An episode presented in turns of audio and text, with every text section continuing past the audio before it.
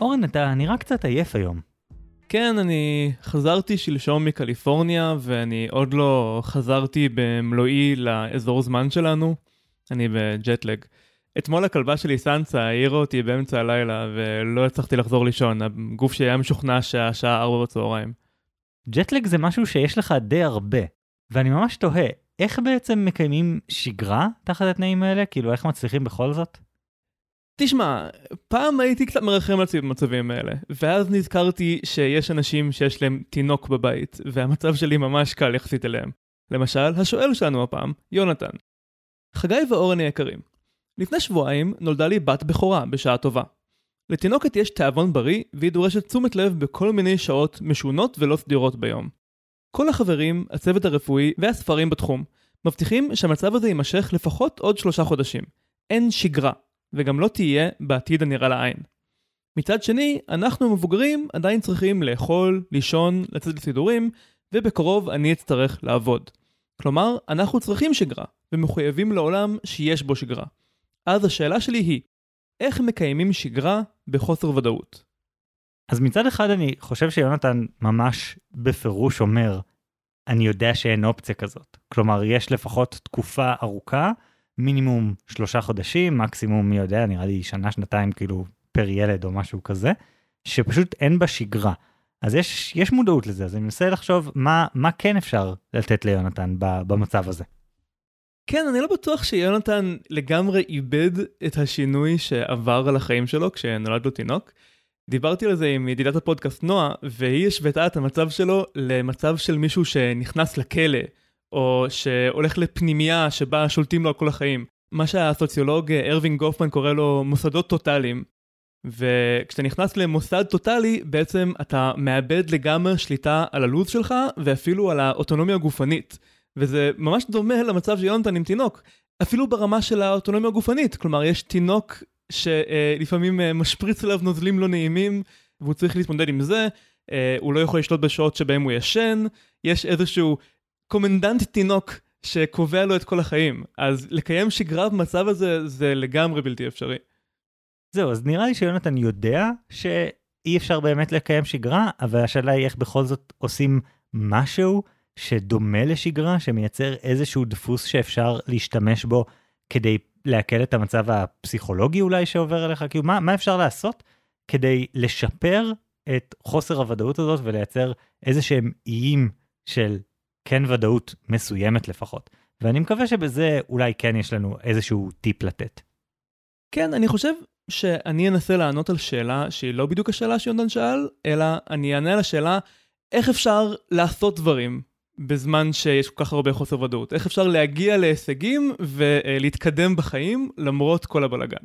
אז המודל שלי יהיה שלעשות דברים כשיש תינוק זה כמו לנחות על הירח. מעניין, מעניין, כי אני לקחתי את זה למקום קצת אחר. אני ניסיתי להתמקד במה כן צריך לוודא שאתה עושה, כאילו מה המינימום שאתה צריך לשים לב אליו כשאתה בונה שגרה, ואני אומר שלשמור על שגרה עם תינוק זה כמו לשגר טיל לחלל. זה נשמע מאוד דומה לשלי. אתה בטוח שלא לקחת את זה עכשיו ממה שאמרתי? אתה בטוח שזה לא הפוך אורן? כי לי, בתסריט של הפרק, כתוב שם אחר למודל שלך. כן, לא רציתי להגיד ריבוי תהליכונים כשאתה אומר טיל לחלל, אז uh, לקחתי משהו יותר מעניין קצת. טוב, אני חושב שאתה חייב להתחיל עם להסביר מה זה לעזאזל ריבוי תהליכונים.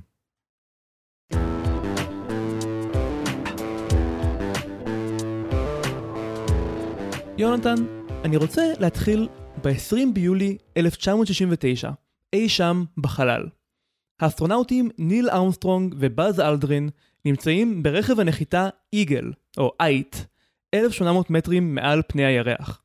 תוך דקות ספורות הם אמורים להיכנס לדפי ההיסטוריה בתור בני האדם הראשונים על הירח. פתאום המחשב מתחיל לצפצף. יש בעיה, המחשב אומר, שגיאה 1202. מה זה שגיאה 1202? הצפה ביצועית. מה זה הצפה ביצועית? זה אומר שביקשו מהמחשב לעשות יותר מדי דברים במקביל, ואין סיכוי שהוא יוכל להספיק הכל. זו נשמעת כמו בעיה חמורה. למרכז הבקרה ביוסטון היו שניות ספורות להחליט האם לבטל את הנחיתה. ארמסטרונג ואלדרין חיכו בנשימה עצורה לשמוע מילה אחת, שתהיה או abort, להפסיק, או go, להמשיך. למרבה המזל, בצוות של אפולו 11 היו מתכנתים פורצי דרך, ובראשם מרגרט המילטון, האישה שטבעה את המונח הנדסת תוכנה. והמתכנתים האלה הכניסו למחשב של רכב הנחיתה הגנות בדיוק למקרה הזה של הצפה ביצועית. אז כשהמחשב הוצף במשימות, הוא ידע להתרכז במה שדחוף, הנחיתה, ולדחות את שאר המשימות למועד עתידי. ולכן, מרכז הבקרה יכלו להגיד Go, וניל אמסטרונג יכל להגיד One small step for man, one giant leap for mankind. למעשה, מה שהציל את הנחיתה לירח היו שני רעיונות שעד היום הם מרכזיים בכל התחום הזה של הנדסת תוכנה. תעדוף משימות וריבוי תהליכונים. ויונתן, אם תאמץ את שני הרעיונות האלה בחיים החדשים שלך עם התינוק, יש סיכוי שגם אתה תוכל לבצע את המשימות החשובות ביותר שלך בהצלחה. אני מסוגל להבין מה זה תעדוף משימות? אז נגיד יותר חשוב לוודא שאתה נוחת בשלום מאשר שהמכ"מים שלך יהיו מכוונים לכיוון הנכון או משהו כזה, אבל מה זה ריבוי תהליכונים? מה זה תהליכון? אוקיי, אז תהליכון באנגלית זה thread, ריבוי תהליכונים זה multi threading. בעצם מה שזה אומר, תהליכון זה ייצוג של איזושהי משימה שצריכה להתבצע בסדר מסוים ותופסת משאבים מסוימים. למשל אפשר להגדיר תהליכון של לכוון את המקם המשני לכיוון האופטימלי, שזה התהליכון שהוחלט לא לבצע אותו כדי להצליח בנחיתה. או אה, במקרה של יונתן, אפשר להגדיר תהליכון של החלפת חיתול. התהליכון הזה דורש תינוק, הוא דורש חיתול נקי, והוא דורש משטח עבודה.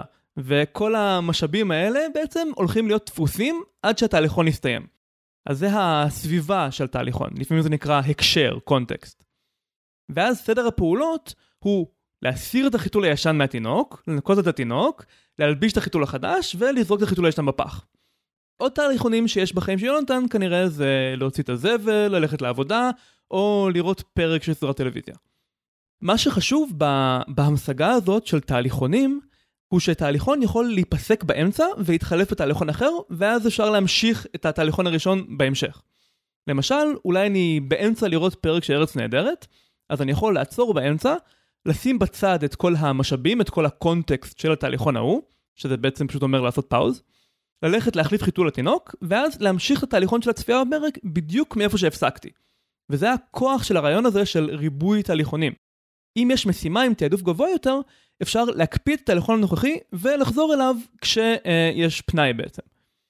בסופו של דבר, כל התהליכונים יסתיימו, גם החיתול יוחלף, גם תלך לעבודה, גם הזבל יוצא, ואפילו תסיים לראות את הפרק של ארץ נהדרת, אבל אי אפשר לדעת מראש מה בדיוק יהיה הסדר וכמה זמן כל משימה תיקח ברוטו עם כל ההפרעות בדרך.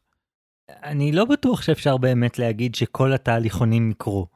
כלומר, אני מכיר הורים, ואני מכיר שבעצם הרבה משימות פשוט, או שהם מראש אומרים, טוב, זה פשוט לא הולך לקרות, או שהם אומרים לעצמם, כן, זה לגמרי הולך לקרות, ואז דוחים את זה עד שזה פשוט לא קורה באופן טבעי.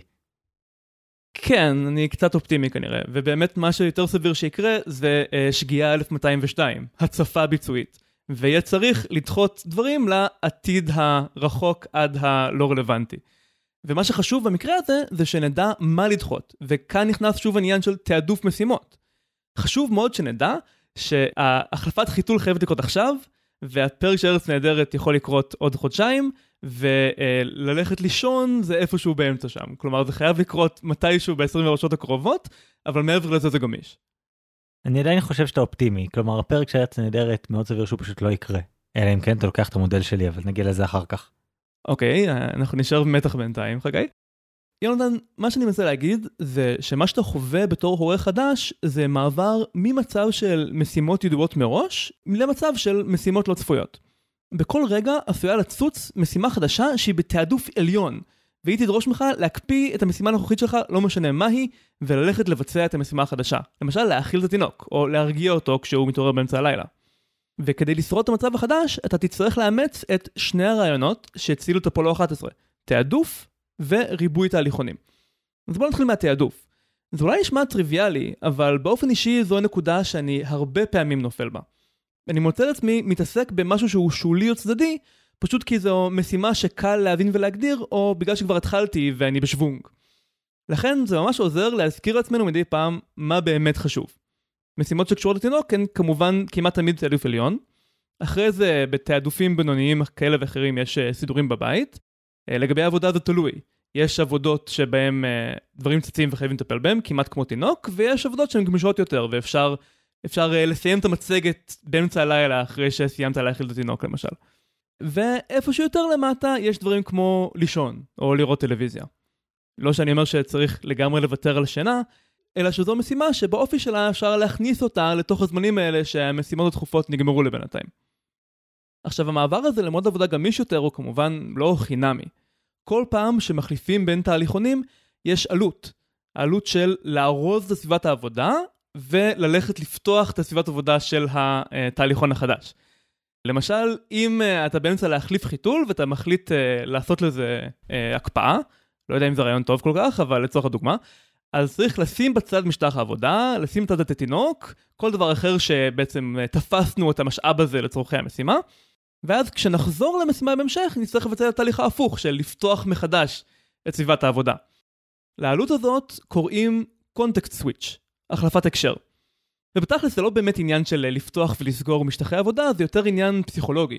של להעביר עצמנו למשל ממוד עבודה למוד תינוק.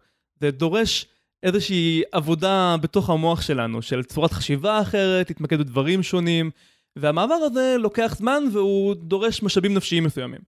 איך שאני הייתי מסביר על זה לאנשים, זה שכשאתה עושה הרבה מאוד דברים בחיים, באופן כללי, אז תמיד יש עלות של מוכנים שאתה צריך להוציא, כדי לעבור ממשימה אחת לאחרת, ואז לפעמים משימות שיכול להיות שהן לא מעמיסות בפני עצמן, עצם זה שצריך לעבור ממצב אחד לאחר ולבזבז על זה עוד ועוד מכונים, משאיר אותך בלי שום אנרגיה, בלי שום יכולת מנטלית אשכרה לבצע אותם.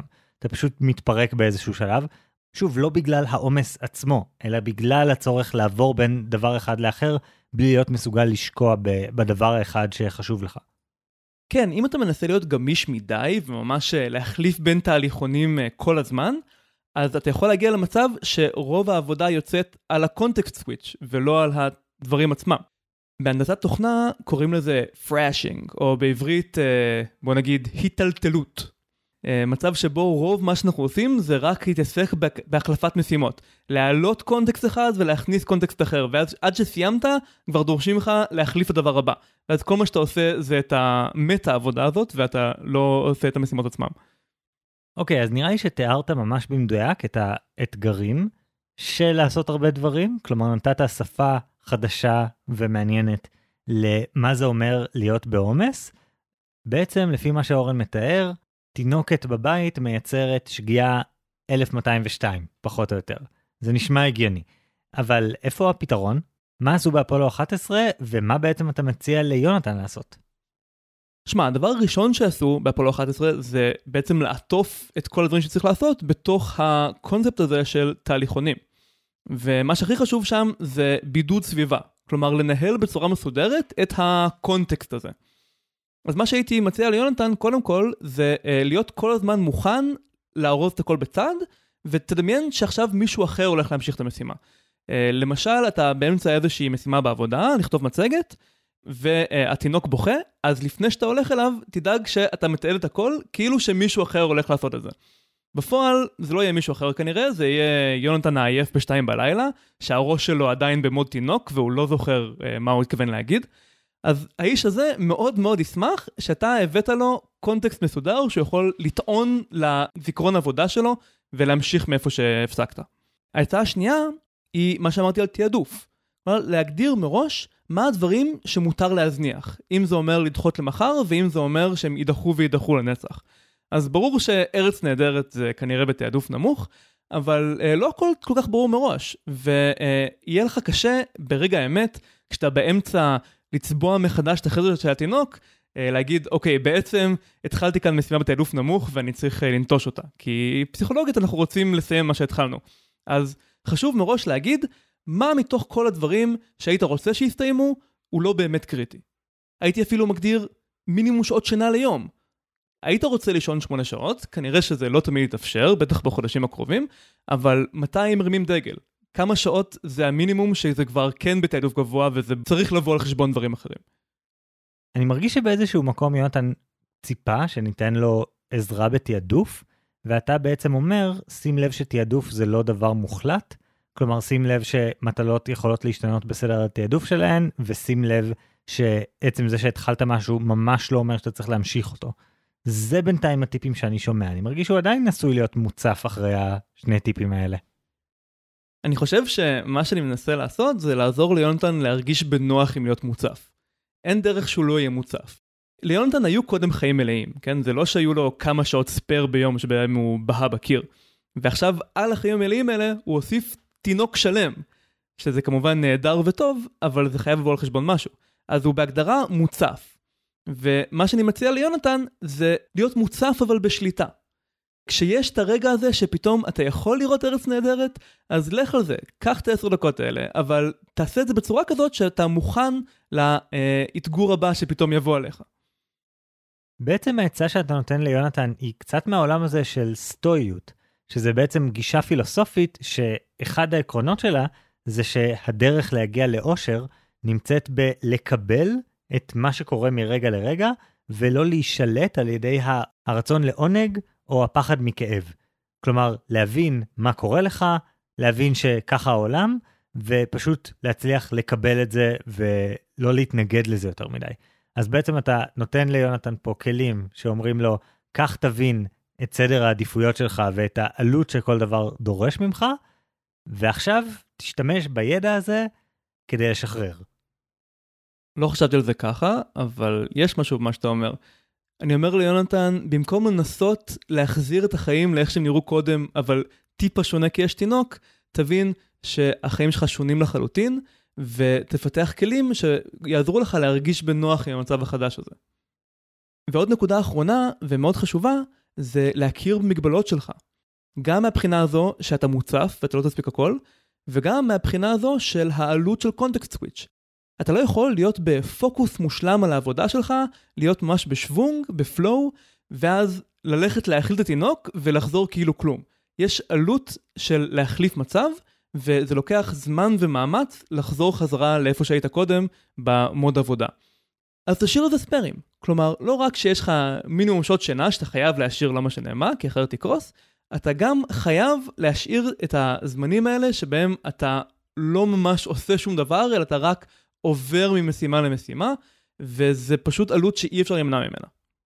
אורן, בעוד שאני מאוד מחבב את הגישה הזאת וחושב שבאמת זה כלי חשיבה חשוב ומועיל, שבאמת יעזור ליונתן להסתכל אחרת על המצב שלו, ובתקווה למצוא איזושהי שלווה גם בתוך הכאוס הזה של חיים עם תינוקת בבית, אבל אני חושב שעדיין חסר פה משהו, אני חושב שעדיין יש פה איזושהי נטייה לתעדף את מה שמרגיש הכי דחוף, הכי לחוץ, הכי אם זה לא יקרה עכשיו, אז זה לא יקרה אף פעם ולכן חייבים לעשות את זה, ודווקא דברים מאוד מאוד חשובים יכולים מאוד בקלות להידחות על ידי השיטה הזאת אם אתה לא מתעדף נכון.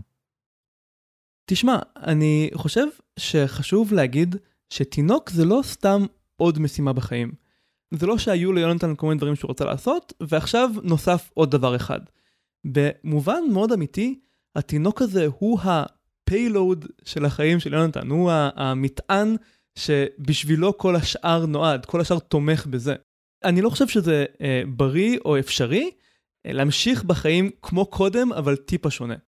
יש כאן ממש מעבר פאזה, וזה יקרה בין אם נכיר בזה ובין אם לא, אז עדיף שנכיר בזה ונבנה מנגנונים שיעזרו לנו לעבור את זה בשלום ולהשיג את המטרות האמיתיות שלנו, שזה בראש ובראשונה להעניק לתינוק שלנו חיים טובים.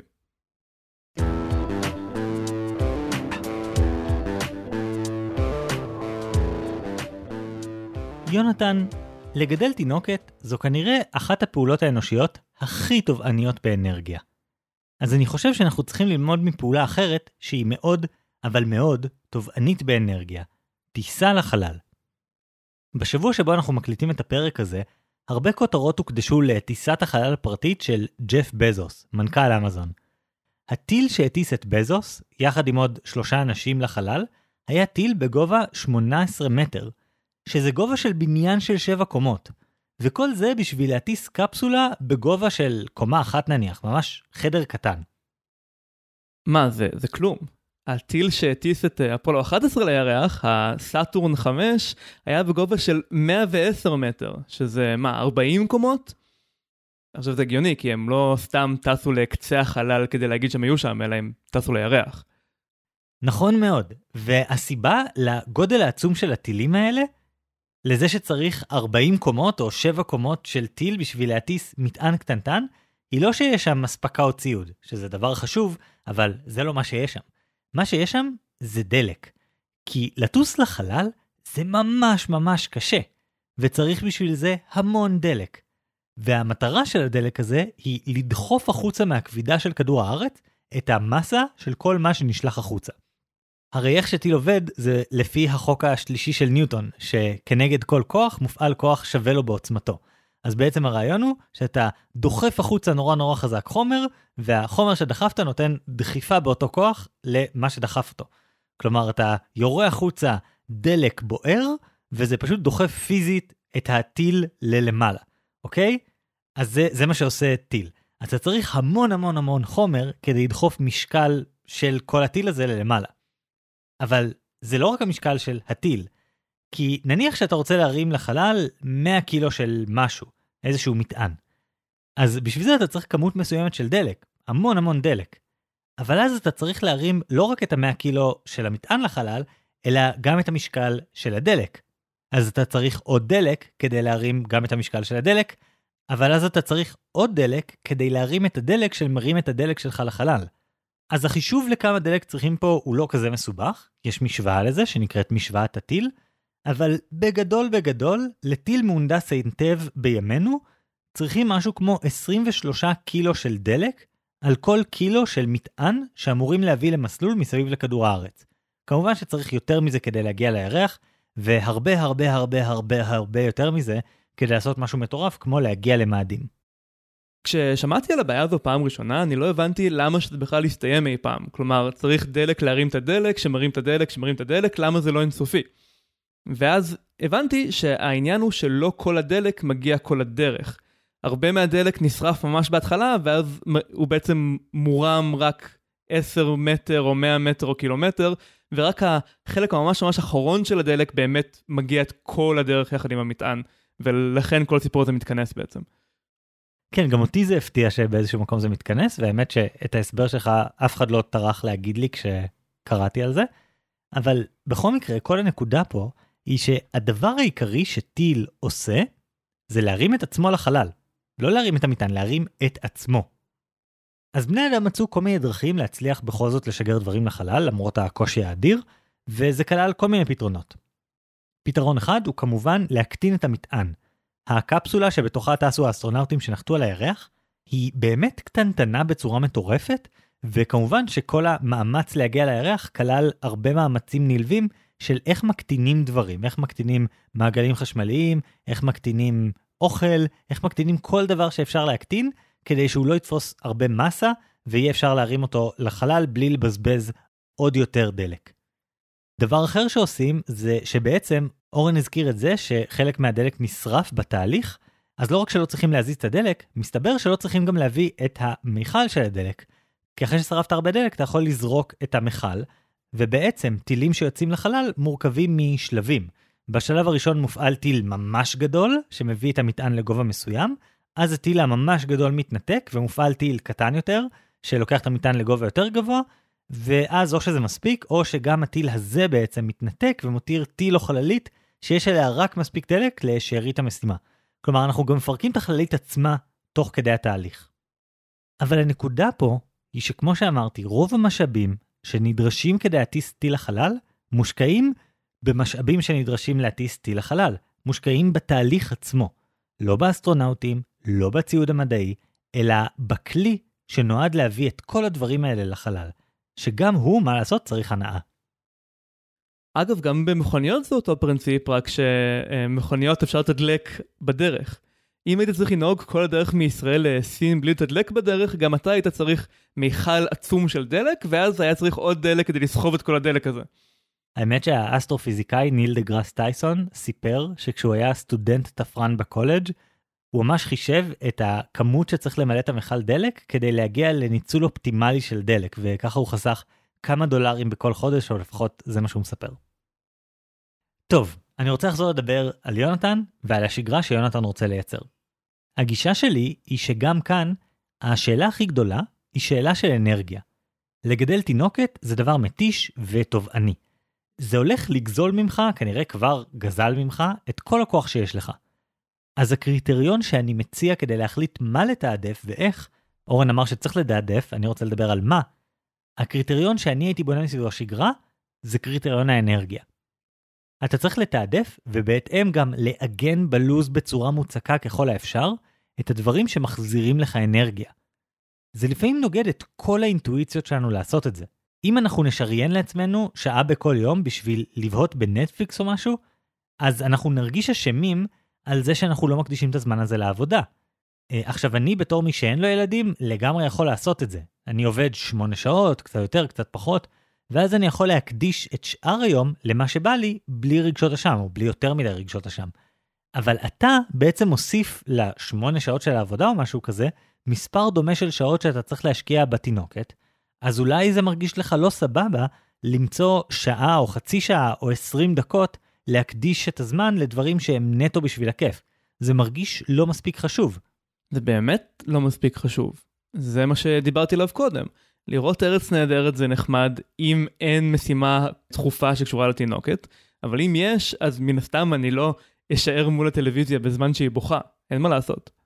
כן, נו, ברור שיש דברים שהם יותר דחופים ויותר מיידיים, אבל אני חושב שאי אפשר פשוט לזרוק הצידה את כל מה שחשוב לנו מבחינת אנרגיה. וזה מתחבר למשהו שנקרא תיאוריית הכפיות. זו תיאוריה שניסחה מישהי בשם קריסטין מיסרנדינו, שחיה עם זאבת, לופס, שזו מחלה כרונית שמייצרת בין השאר תשישות ממש קיצונית. אז מיסרנדינו פגשה חברה שלה במסעדה, ואז היא השתמשה בכפיות שהיו על השולחן כדי להסביר לחברה הזאת איך זה מרגיש לחיות עם זאבת. היא אמרה שלרוב האנשים יש יכולת לעשות מה שבא להם עם היום שלהם ועם הזמן שלהם, אבל כשיש לך מחלה כרונית, את כל הזמן צריכה לדאוג למצב האנרגיה שלך. אז את מתחילה את היום נגיד עם 12 כפיות, וכל פעולה שאת עושה דורשת כפית. מיסרנדינו ממש ביקשה מהחברה שלה לומר לה, לתאר לה מה היא עושה כל יום, ועל כל מטלה היא לקחה לה כפית. קמת מהמיטה, כפית. התקלחת, כפית. הכנת ארוחת בוקר, כפית. וכשהיא ליוותה את החברה הזאת עד לסוף היום, לארוחת הערב, נשארה לה רק כפית אחת, והיא אמרה לחברה שלה, אוקיי, עכשיו את צריכה להחליט, האם את מכינה ארוחת ערב, או האם את אוכלת ארוחת ערב, כי אלה שני דברים שדורשים כפית, ובהצלחה. החברה די התפרקה מהדבר הזה. אני חושב שהדמיון בין הכפיות לבין משוואת הטיל לא מושלם, אבל אפשר לראות מהו. כל הזמן אנחנו צריכים לשים לב לדלק, כי הדלק הוא מה שמאפשר לטיל לעשות את העבודה שלו. כמו שהאנרגיה הפנימית שלנו היא מה שמאפשר לנו להתמודד עם המטלות שלנו. זה לא שאנחנו פשוט עושים מה שבא לנו, אנחנו צריכים לוודא שאנחנו מתייחסים לדלק, וצריכים להבין שחלק גדול מהמאמץ הוא לוודא שיש דלק, להקדיש משאבים לדלק עצמו. טוב, זה קל להגיד, אבל איך בדיוק יונתן אמור לבצע את זה? יש דברים שחייבים לקרות, הוא חייב לעבוד, להתפרנס, הוא חייב לדאוג שהבית יהיה נקי, או מישהו חייב לדאוג לזה, וכמובן שאי אפשר להזניח את התינוקת, אז להגיד, אתה צריך גם לנוח על הדרך, זה רק מוסיף לו לחץ.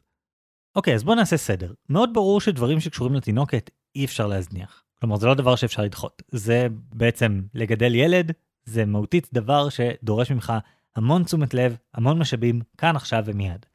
אבל יש עוד דברים שקורים בחיים, שתהיה לנו נטייה לתעדף יותר גבוה מדברים שמחזירים לנו חזרה אנרגיה. וכל אחד יש לו את הדברים שלו שמחזירים לו אנרגיה, יש אנשים שישנים, יש כאלה שבוהים בנטפליקס, יש כאלה שמזמינים אוכל מבחוץ או יוצאים להליכה. אני אומר שאתה צריך למצוא מה הדבר שמחזיר לך אנרגיה, ולוודא שאלה עוגני הלוז שלך. כי יש דברים שאתה כן יכול לדחות למחר, אולי לא התינוקת, אבל אתה יכול לדחות אולי חלק מהעבודה למחר, אולי לעכב חלק ממטלות הבית, אבל משק האנרגיה הפנימי שלך, זה לא משהו שאתה יכול להזניח, כי אם תזניח אותו, מה שיקרה בסופו של דבר זה שכל שאר הדברים יקרסו. כלומר, אתה יכול להמשיך uh, לעשות uh, הלוואות כאלה של אנרגיה מיונתן של העתיד, ולא לתת לו זמן לנוח, ולא לתת לו זמן לעשות משהו אחר שמחזיר אנרגיה, ולא לתת לו זמן להזמין אוכל, אבל בסופו של דבר יגיע הרגע הזה שאתה מתפרק ואתה לא יכול לעשות כלום, ואז בכל מקרה אתה הולך לצבור איזשהו חוב. לא עדיף שהחוב הזה יתפרס על פני יותר ימים עם עוגני לוז שאשכרה מרעננים אותך ונותנים לך את הכוח להמשיך? אז אם אני מבין אותך נכון, אתה בעצם לא מסכים איתי שצריך להיות גמישים, אלא אתה דווקא אומר שחייבים לקבוע עוגנים בלוז, ששם לשים את אותם דברים שמחזירים לך אנרגיה. מין uh, תחנות תדלוק בעצם, אם נחזור רגע למכוניות. כן, זה בדיוק זה. אני חושב שיונתן ביקש מאיתנו כלים לבניית שגרה. אז אני אומר, הרבה מהדברים אין שום סיכוי שהם יקרו. אין שום דרך לייצר שגרה שכוללת גם את העבודה, וגם את התחביבים, וגם את החברים, וגם את התינוקת, וגם להכין אוכל, וגם מטלות בית אחרות. אי אפשר להכניס את הכל ללוז מסודר שאולי היה לך לפני כן. זה, זה כבר לא יקרה. אז מה כן? אז אני אומר שאתה צריך לתעדף את הדברים שמחזירים לך אנרגיה, כי כמו שאמרת, תחנות תדלוק, לוודא שכל הזמן יש לך את האנרגיה שאתה צריך.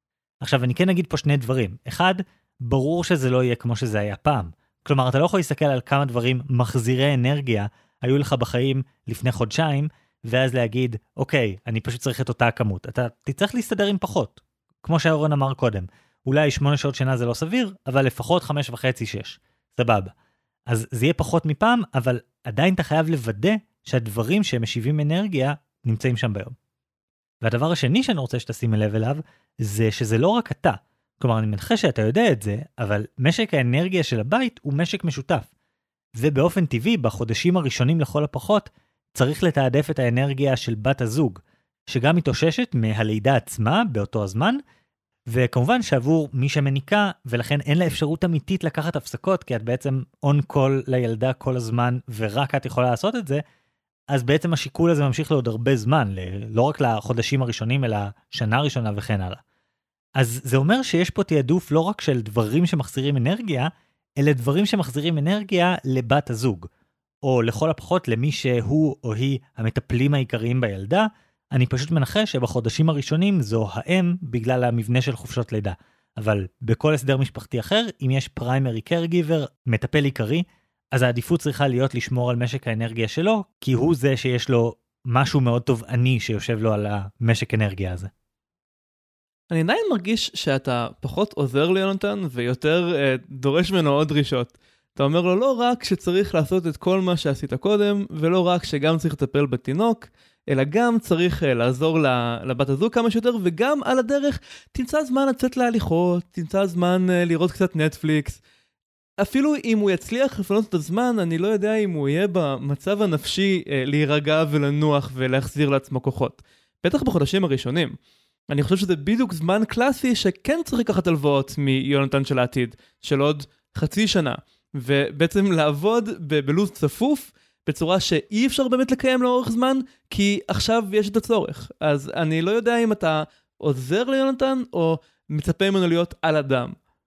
אני חושב שהמחשבה שאפשר לקחת הלוואות מעוד חצי שנה ופשוט להחזיק את החצי שנה הזאת, זאת מחשבה שהיא נכונה באיזשהו מקום. הרבה הורים שאני מכיר באמת תיארו טירונות של חצי שנה ואז דברים משתפרים ונעשים יותר קלים. זה באמת משהו שראיתי, אין לי מושג בעצמי כמובן, אבל בכל זאת. אבל אני יודע שאפילו לסטודנטים שהם עושים דברים כאלה במרתונים ועם הרבה פחות תומס בתכלס, נגיד סטודנטים למדעי המחשב שיש להם כמות אדירה של תרגילים, אז הרבה פעמים אומרים, בסדר, אני לא אשן, ואני אעשה את התרגילים, ואני אעמוד בלוז, ואז בסוף הסמסטר אני אנוח. ורוב החברים שלי שהיו סטודנטים למדעי המחשב והיו בלוז הזה, הם לא התפרקו בסוף הסמסטר, הם לא כאילו לקחו את ההלוואה ואז היה להם התפרקות בשבוע של חופש בין הסמסטרים. הם התפרקו פעם פעמיים בסמסטר, וזה עם עומס הרבה פחות גדול באופן עקרוני. אז אני לא חושב שאפשר לקחת את ההלוואה מעצמך של העתיד הכל כך רחוק. בכל מקרה, יונתן, אני חושב שתכנון ששם דגש על משק האנרגיה שלך ועל הדלק שיש לך, הוא תכנון שיסייע לך. הוא ישמור על היכולת שלך לספוג כל מיני התקלות, כל מיני בעיות, ברמה הרבה יותר גבוהה, כי פשוט תהיה לך אנרגיה לעשות את זה. אז אתה יודע, יונתן, אתה יכול להגיד, בסדר, אז הבית יהיה קצת יותר מלוכלך, או נזמין מנקה במקום לנקות בעצמנו. או אתה יכול להגיד, היום אני הולך לקחת שעתיים הפסקה מהעבודה ולעשות יום יותר קצר כדי לנוח. או זה הזמן לנצל את הימי חופשה שלך. או לקחת חופשה של שבוע אפילו ללא תשלום. פשוט כדי שיהיה לך את הזמן הזה לאגור אנרגיה מחדש. אני עדיין מציע להתמקד בעיקר בעוגני לוז, בלוודא שיש לך לפחות חצי שעה ביום של משהו שמחזיר אנרגיה, או שעה, אני לא יודע מה הלו"ז שמתאפשר לך, אבל לוודא שיש לך את זה, ולא לוותר לעצמך על הדבר הזה. ומתוך כל הדברים האלה, אתה תוכל לוודא שיש לך מספיק תחנות תדלוק בדרך. זה יצמצם את הסיכוי שלך להתמוטטויות רגשיות, שגם ככה הן דבר די נפוץ כשיש תינוקת בבית, ובסופו של דבר, אתה צריך להבין שמה שיביא את התינוקת שלך רחוק, זה אתה ובת הזוג שלך, ולכן הרבה מהאנרגיה צריכה להיות מושקעת בלוודא שהטיל, שהוא אתם, ממשיך לעבוד ומגיע ליעד.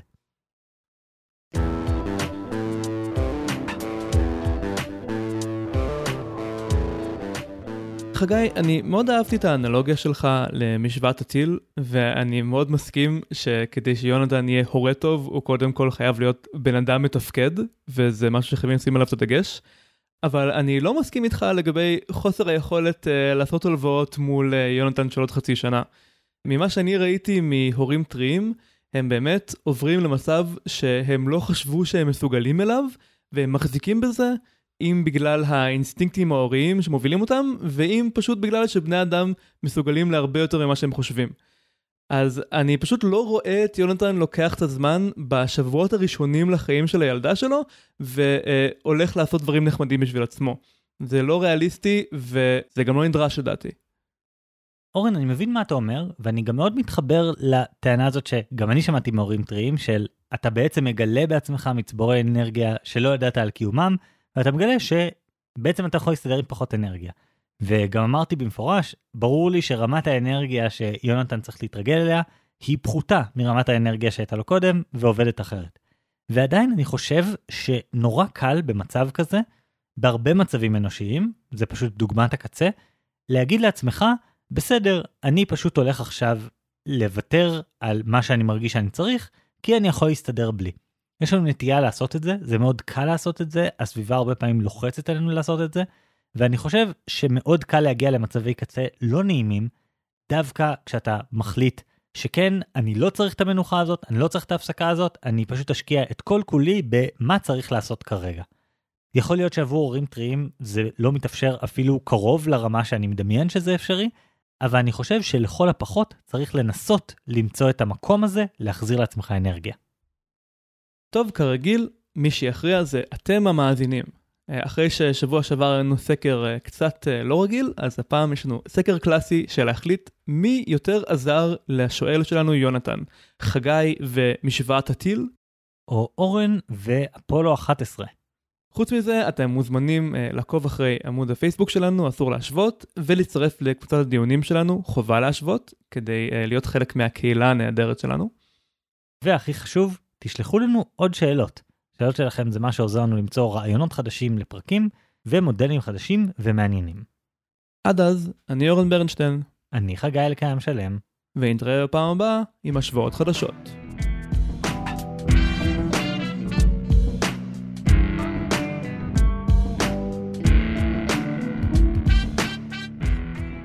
אז בפרק הקודם שלנו עשינו סקר קצת אחר, וביקשנו מכם להכריע איזה משני השואלים שלנו העלה מצב שהסיפור של הסכסוך בצפון אירלנד יכול לתת איזשהו מפתח להבין אותו ולהתמודד איתו. ומה שיצא זה ש-53% מכם הסכימו עם אורן שהסכסוך בצפון אירלנד יכול לשמש כמודל לאיתי שמנסה לגרום לוועד ההורים שבו הוא חבר לבזבז פחות כסף על מתנות, ובמיוחד על מתנות ממוגדרות. כן, ו-47% הסכימים עם חגי שהסכסוך באירלנד זה מודל טוב בשביל אלמוג, שמנסה להתמודד עם השותפה שהביאה ארנב הביתה בניגוד לדעתם של שאר השותפים. אז כרגיל קיבלנו כל מיני תגובות מכם על מי לדעתכם צודק, ואני רוצה להתחיל דווקא עם התגובה של איתי, שהוא אחד מהשואלים שלנו. איתי כתב, היו הרבה לקחים שיכולתי ללמוד מהפרק, אבל אפשר לראות מהמיתוגים והשיווק שהיוצרים מאמינים שארנבים מוכרים. למה לא שלחתי תמונות חמודות של הבת שלי? אז מה אני יכול ללמוד מהמורדים הרדיקליים האלימים שהשתלטו על בית הדואר? שהקרב יכול להיות פלטפורמה על דעת הקהל, שאני צריך לחכות לרגע הנכון שבו הצד השני מגיב בצורה מוגזמת, ולנצל את זה כדי לשנות את דעת הקהל לטובתי, ובעצם, מה שאני מנסה לעשות כאן, הוא לשנות את הערכים של הרוב הדומם, ולא בהכרח לנצח בקרב ספציפי. וזה ממש נכון. כי למשל, לגמרי התעלמתי מהערך של חייבים לקנות משהו, שהיה סיבה מאוד נפוצה להפסדים שלי. אורן אמר משהו מאוד נכון בפרק, שאני חשבתי שהקרב הוא על מי יהיה יותר חזק. כלומר, מי יצליח ליישם את האג'נדה שלו בשטח. אבל בעצם, הקרב היה על מי יותר צדק. וגם, אני אעיר, שכמו שלבריטים הייתה את מלחמת העולם הראשונה, לי היו סגרים ומלחמות. אז במקרה הזה, המיעוט הרדיקלי הוא זה שאיבד את הכוח והמוטיבציה בסוף, ולא הרוב החזק. אז מה לקחתי לשנה הבאה? לשמור כוחות למאבק ארוך לאורך כל השנה. לחכות לרגעים מוגזמים מהצד השני. להילחם על דעת הקהל ולשכנע את הרוב הדומם שאני צודק. נראה מה יהיה ונקווה לטוב. נשמע שאיתי מאוד נחוש ושאנחנו רק הוספנו ללהט שלו לעשות שינוי ולתקן את מה שקורה בוועד ההורים ואני מאחל לו המון בהצלחה. וגם מעבר לאיתי השואל היו המון תגובות ממש מרתקות בעמוד הפייסבוק. למשל איתמר שכתב צדק זה מושג חמקמק אבל לכולנו בגדול יש תפיסה מערבית דמוקרטית ליברלית הומניסטית של צדק ומבחינה זו קל לנו להבין שאיתי הוא הצודק בסכסוך שלו. אבל לגבי הסכסוך של אלמוג, אני נאלץ לפנות אליה בשאלה יותר קשה. למעשה, שתי שאלות יותר קשות, שיעזרו לה להתבונן לתוך עצמה ולהבין האם הצדק באמת איתה כמקובל במערב. 1. האם הארנב חמוד? 2. האם הארנב לבן? איתמר, יש לי וידוי. כן, חגי? אני אלמוג. או לפחות אני הייתי אלמוג. אתה כתבת לנו שאלה תחת שם בדוי? אני העברתי לפודקאסט שאלה תחת שם בדוי. אז מה קרה עם הארנב? ובכן, באמת היה ארנב, באמת הייתה שותפה שהביאה ארנב לדירה. באמת היא עשתה את זה בלי לבקש רשות, באמת פשוט יום אחד באנו וראינו ארנב, ובאמת הוא עשה את צרכיו ברחבי הבית. שם האמת המצב שלנו היה די טוב, כי בסופו של דבר פשוט אמרנו לבעלת הבית, בבקשה אל תחדשי לשותפה הזאת חוזה, והיא באמת לא חידשה לחוזה, אבל אני לא חושב שאפשר לשאול את השאלה הזאת על האם ארנב חמוד ולבן. הוא היה מאוד חמוד, מאוד לבן, ומאוד מחרבן בסלון שלנו. אבל מה עלה בגורל הארנב? לא אכפת לי מהשותפה, מה קרה לו? למיטב ידיעתנו הוא שרד, שזה לא היה מובן מאליו לאור כל מיני סופי שבוע של להשאיר אותו לבד בבית, אבל למיטב ידיעתנו הוא שרד והמשיך לעבור, לעשות טרור בדירות רבות אחרות. סוף שמח לכל המעורבים, כך נשמע. התגובה הבאה של אורי. אני חושב שבעניין הארנבים פספסתם. האקט האלים הוא הכנסת הארנב, ולכן צריך היה להגיב עליו מיד ובתקיפות יותר כמו מקיאוולי. יש מצב שאם דבר כזה היה קורה לי, הייתי מתקשר מיד לבעלת הבית ואומר לה שאני מוריד משכר דירה כי יש לי שותף לא רצוי. אז הוא אומר שהוא בעצם היה שובר את החוזה שלו מול צד ג' בתור תגובה לאקט הזה, אני לא בטוח שזה הכי חכם מבחינה טקטית. כן, אני חושב שבאיזשהו מקום העצה של אורי היא יותר רדיקלית ויותר קיצונית ובאמת יותר תייצר backlash, כלומר יותר סביר שהיא תוביל לתוצאה לא רצויה. אני חושב ששוב, במציאות, עצם זה שהיינו רק שלושה שותפים סך הכל ולכן הייתה קואליציה של שניים, פשוט פנינו לבעלת הדירה, זה עבד. ואני באמת מסכים שיש היגיון בלהגיב בתקיפות ומיידית ולא לתת איזושהי תחושה שזה בסדר באיזושהי רמה. יש ערך לכאן ולכאן, אבל בכל פעם צריך לעשות את הניתוח של מה הולך להתפוצץ בכל אחד מהצדדים ואיזה פיצוץ אני יכול להכיל יותר טוב. ותגובה אחרונה שנקריא הפעם ממיכאל, שכתב, אני חושב שאיתה יכול ללמוד הכי הרבה מהסיפור של הארנב. ככה ללמוד משאלה לשאלה. ולעשות אסקלציה וצעדים חד צדדיים, או במילים אחרות, טרור. למשל, להעביר סקר בקבוצת ההורים שינוסח כך שתוצאה שלו תהיה נגד מתנות של בנים ובנות בנפרד.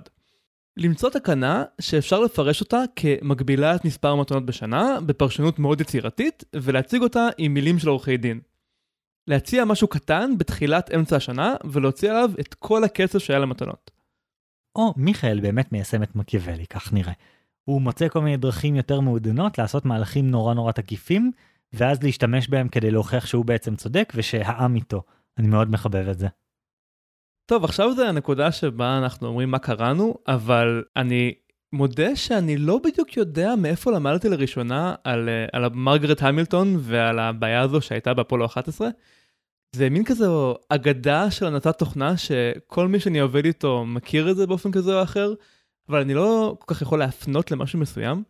זה הבעיה כשאני מדבר על הדברים שאני הכי מכיר, כי אז יש את מה שנקרא uh, source amnesia, שאני יודע דברים, אבל אני לא יודע איך, כי זה פשוט חלק אה, עמוק מדי במי שאני. אז אה, נראה לי אני אפנה את הבמה לחגי, מה אתה קראת? אז כמה דברים. קודם כל, ניסיתי לקרוא דברים על משוואת הטיל והבנתי שאני אקבל פתרונות הרבה יותר טובים בסרטוני יוטיוב ובדברים קצרים יותר באינטרנט, כי זה לא משהו שמצדיק ספר שלם. אז ראיתי סרטון ממש טוב של ניל דה גראס טייסון, האסטרופיזיקאי המפורסם, שמסביר את משוואת הטיל, ופשוט גנבתי ניסוחים של משפטים שלמים ממנו, כי הוא עשה את זה ממש טוב, לא סתם הוא אחד ממתקשרי המדע הטובים בעולם. אה, וגם קראתי כתבה של אה, האתר הישראלי, מדע גדול בקטנה, בדיוק על משוואת הטיל. אה, שמתי קישור לשני אלה בהערות הפרק. אבל הדבר שרציתי להתמקד בו זה משהו שכן הקדשתי לו זמן קריאה, ולאט לאט ככל שהתקדמתי, הרגשתי איזושהי תחושה הולכת וגוברת של אי נוחות שבדיעבד התבררה כמוצדקת. וזה מה שקראתי על כוח רצון. אתה מדבר על uh, תיאוריית הכפיות. אז זהו, כאילו, יש את תיאוריית הכפיות עצמה, ושמנו קישור לפוסט המקורי על תיאוריית הכפיות בהערות הפרק, שאני חושב שהיא מאוד מקובלת בקרב אנשים שיש להם כל מיני מגבלות אה, פיזיות, אה, נפשיות, או כל מיני דברים כאלה שמקשים על החיים, שאלה אנשים שבאמת מנהלים את החיים שלהם ככה, כלומר, ממש מרגישים את זה, וגם אני ברגעים של עייפות קיצונית או דברים כאלה, פשוט אמרתי על דברים, אין לי מספיק כפיות לזה, זה משהו שהתרגלתי לומר. אבל מה שהטריד אותי זה המחקר היותר רחב בתחום הזה. כי בתחום הזה יש מושג מסוים, שמדברים עליו הרבה מאוד שנים, שהוא בעצם התיאוריה היותר כללית של תיאוריית הכפיות, מה שנקרא ego depletion, התרוקנות האגו או משהו כזה. שזו בעצם תיאוריה שמדברת על זה שככל שאנחנו יותר עייפים ומופעל עלינו יותר לחץ והיינו צריכים לעשות כל מיני מאמצים קוגניטיביים, כך כוח הרצון שלנו ייחלש. תהיה לנו פחות מוטיבציה לעשות דברים, יהיה לנו יותר קשה להתנגד לפיתויים וכן הלאה. זו תיאוריה מאוד פופולרית, שמי שהפיץ אותה ומי שמדבר עליה עד היום זה הפסיכולוג רוי באומייסטר. אז אני קראתי לפרק את הספר The Willpower Instinct של קלי מגוניגל, שזה ספר שמדבר על כל מיני עקרונות של כוח רצון, ובספר הזה מתוארת התיאוריה הזאת, ואז נזכרתי שבעצם התיאוריה הזאת בין הופרכה לבין אולי זה קיים אבל בקטנה. במסגרת uh, מה שנקרא משבר השחזורים, שזה משהו שקרה בפסיכולוגיה, שהרבה מאוד מחקרים, כשניסו לשחזר אותם, פשוט לא עבדו. התיאוריה הזאת של רוי באומייסטר היא פשוט לא עבדה. גם מי שהצליח לשחזר אותה מצא אפקטים ממש ממש ממש חלשים וקטנטנים. ובעצם זה אומר שכל הגישה הזאת של ייגמר לי הכוח רצון ואני צריך לוודא שאני לא מאמץ את הכוח הרצון יותר מדי ואני צריך להחזיר לעצמי אנרגיה, היא לא לגמרי תופסת מבחינה מדעית. כאילו, אולי היא כן תופסת במקרי קצה, כמו אנשים עם מחלות כרוניות, או אולי אצל הורים, אבל אנשים רגילים, כאילו במצב רגיל בחיים, רווקים בני 28, כנראה אין שום אינדיקציה טובה לזה שזה באמת קיים. טוב, כל הניסויים האלה במעבדה זה כזה כוח רצון של uh, לא לאכול שוקולד או משהו כזה ממש טריוויאלי. אז uh, אפשר באמת uh, לחשוב שביחס לדברים כאלה יש לנו אינסוף כוח רצון, אבל ביחס לדברים כמו להמשיך לנענע את התינוק במשך שעתיים בשתיים בלילה במקום להירדם, אז אולי זה דווקא כן עובד ככה. כן, בדיוק, ולא באמת נדע, אני חושב שזה אוכלוסייה שמאוד סביר שלא באמת יעשו עליה ניסויים. בהיקפים הנדרשים בתחום הזה, בטח לא ניסויים מבוקרים שאתה עושה עליהם מניפולציות וכל מיני כאלה. זאת שאלה אם, אם זה ייעשה, אבל יש בזה איזשהו משהו מטריד, כי בעצם אנשים ששומעים בדרך כלל את תיאוריית הכפיות, או את התיאוריה של ego depletion, בדרך כלל אומרים, וואי, זה נשמע לי ממש נכון, והם ממש מסוגלים לראות את זה על עצמם בחיי היומיום. יכול להיות שיש פה עניין בין אישי, כלומר יש אנשים שיותר מושפעים מזה, יש אנשים שפחות מושפעים מזה, וזה הדבר העיקרי פה? אין לי מושג, אבל ממש תכננתי הרבה מהפרק הזה מסביב לדבר על תיאוריית ה ego depletion, ואז פשוט נזכרתי שזה לא אחראי לעשות את זה, וזה ממש חוויה מוזרה. טוב, אם כבר אנחנו מדברים על אה, מה לא היה נכון בפרק, אני רוצה לחזור לנקודה שלך לגבי זה שצריך יותר דלק להגיע למאדים מאשר להגיע לירח, כי זה לא מדויק.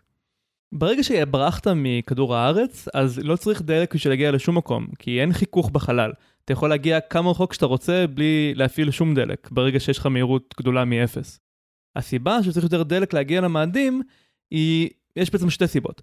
אחת היא, אם אתה רוצה לחזור, אז זה אומר שאתה צריך לברוח מהכבידה של כדור הארץ, ואז עם הדלק שנשאר לך, גם לברוח מכבידה של מאדים. ואז בעצם צריך להרים את כל הדלק שצריך בשביל לברוח ממאדים מכדור הארץ, ואז זה באמת נהיה מאוד מאוד גדול. והסיבה השנייה היא שאתה רוצה להגיע בלי להיות ממש זקן. אז צריך בעצם להאיץ כדי להגיע מהר, ואז צריך לסובב את החללית ולהאט. והדברים האלה לוקחים דלק. אבל זה לא בדיוק פקטור של מרחק, זה בעיקר פקטור של כמה גדול הדבר שאתה מנסה לנחות עליו. זו הסיבה שבשביל להגיע מכדור הארץ לירח היה צריך טיל ענקי, אבל בשביל להגיע חזרה מהירח לכדור הארץ היה מספיק הקטנצ'יק שנשאר בסוף. כי לירח יש כבידה מאוד חלשה וקל לברוח משם. אוקיי, okay, זה סותם לי כמה סימני שאלה שהיו לי בתיאוריה הזאת. כלומר, עכשיו הרבה יותר ברור מה ההבדל בין סוגים שונים של מקומות שצריך להגיע אליהם. ראיתי כאילו חישובים של כמה דלק צריך בשביל כל אחד מהנקודות האלה של לירח, למאדים וכן הלאה. ואם אני זוכר נכון, ללכת למאדים רק לכיוון אחד זה משהו כמו עשירית ממה שנדרש כדי ללכת לשני הכיוונים מבחינת דלק. כי אתה עדיין צריך הרבה אנרגיה, שוב, כדי לבלום בד... כשאתה מגיע למאדים, כי אתה רוצה להגיע בזמן סביר ואז לעצור. אה, אבל לחזור זה כבר דבר מטורף לחלוטין, וזה כמויות מטורפות של דלק. פשוט קשה לתאר כמה משימה אמיתית למאדים תהיה תובענית במשאבים. כן, ומצד שני, תראה את ה-Voyager 1 ו-2. זה חלליות די קטנות, ומה שהרים אותם לחלל זה uh, טיל הרבה יותר קטן מאשר הסאטון 5, שהביא את הפועל לירח, והם נמצאים עכשיו מחוץ למערכת השמש. הם האובייקטים הכי רחוקים מאיתנו שבני אדם יצרו. אז זה לא כך פשוט כמו להגיד צריך יותר דלק כדי להגיע יותר רחוק. החלל הוא לא כמו האדמה, וחללית זה לא כמו מכונית. בעיקרון אם יש לך מספיק זמן אתה יכול להשתמש בכמות ממש קטנה בצורה מופרכת של דלק. כלומר מדברים על כל מיני אה, מנועים שעובדים על פוטונים או משהו כזה, מפרסים סולאריים או, או משהו כזה, שהם דורשים כמות באמת אפסית של דלק כדי לעבוד. פשוט צריך להפעיל אותם מחוץ לכדור הארץ. כלומר, אתה צריך להעלות את כל החומרים ללמעלה, ואז הם יכולים להאיץ כמה שצריך ולאן שצריך, פחות או יותר בלי הגבלה. פשוט הם מסוגלים לסחוב כמות ממש ממש ממש קטנה של מסה. והשיעור של הדלק מסך המסה של החללית הוא משהו כמו 0.03 אחוז או איזה מספר קטנטן כזה, אבל שוב, לדברים ממש קטנטנים. כל הסיפור הזה של uh, טיסות לחלל הוא ממש מרתק, ואני מקווה שיצא לנו לחזור אליו ולדבר עליו יותר לעומק יום אחד. אבל uh, עד אז, אני אורן ברנשטיין. אני חגי אלקיים שלם. ביי.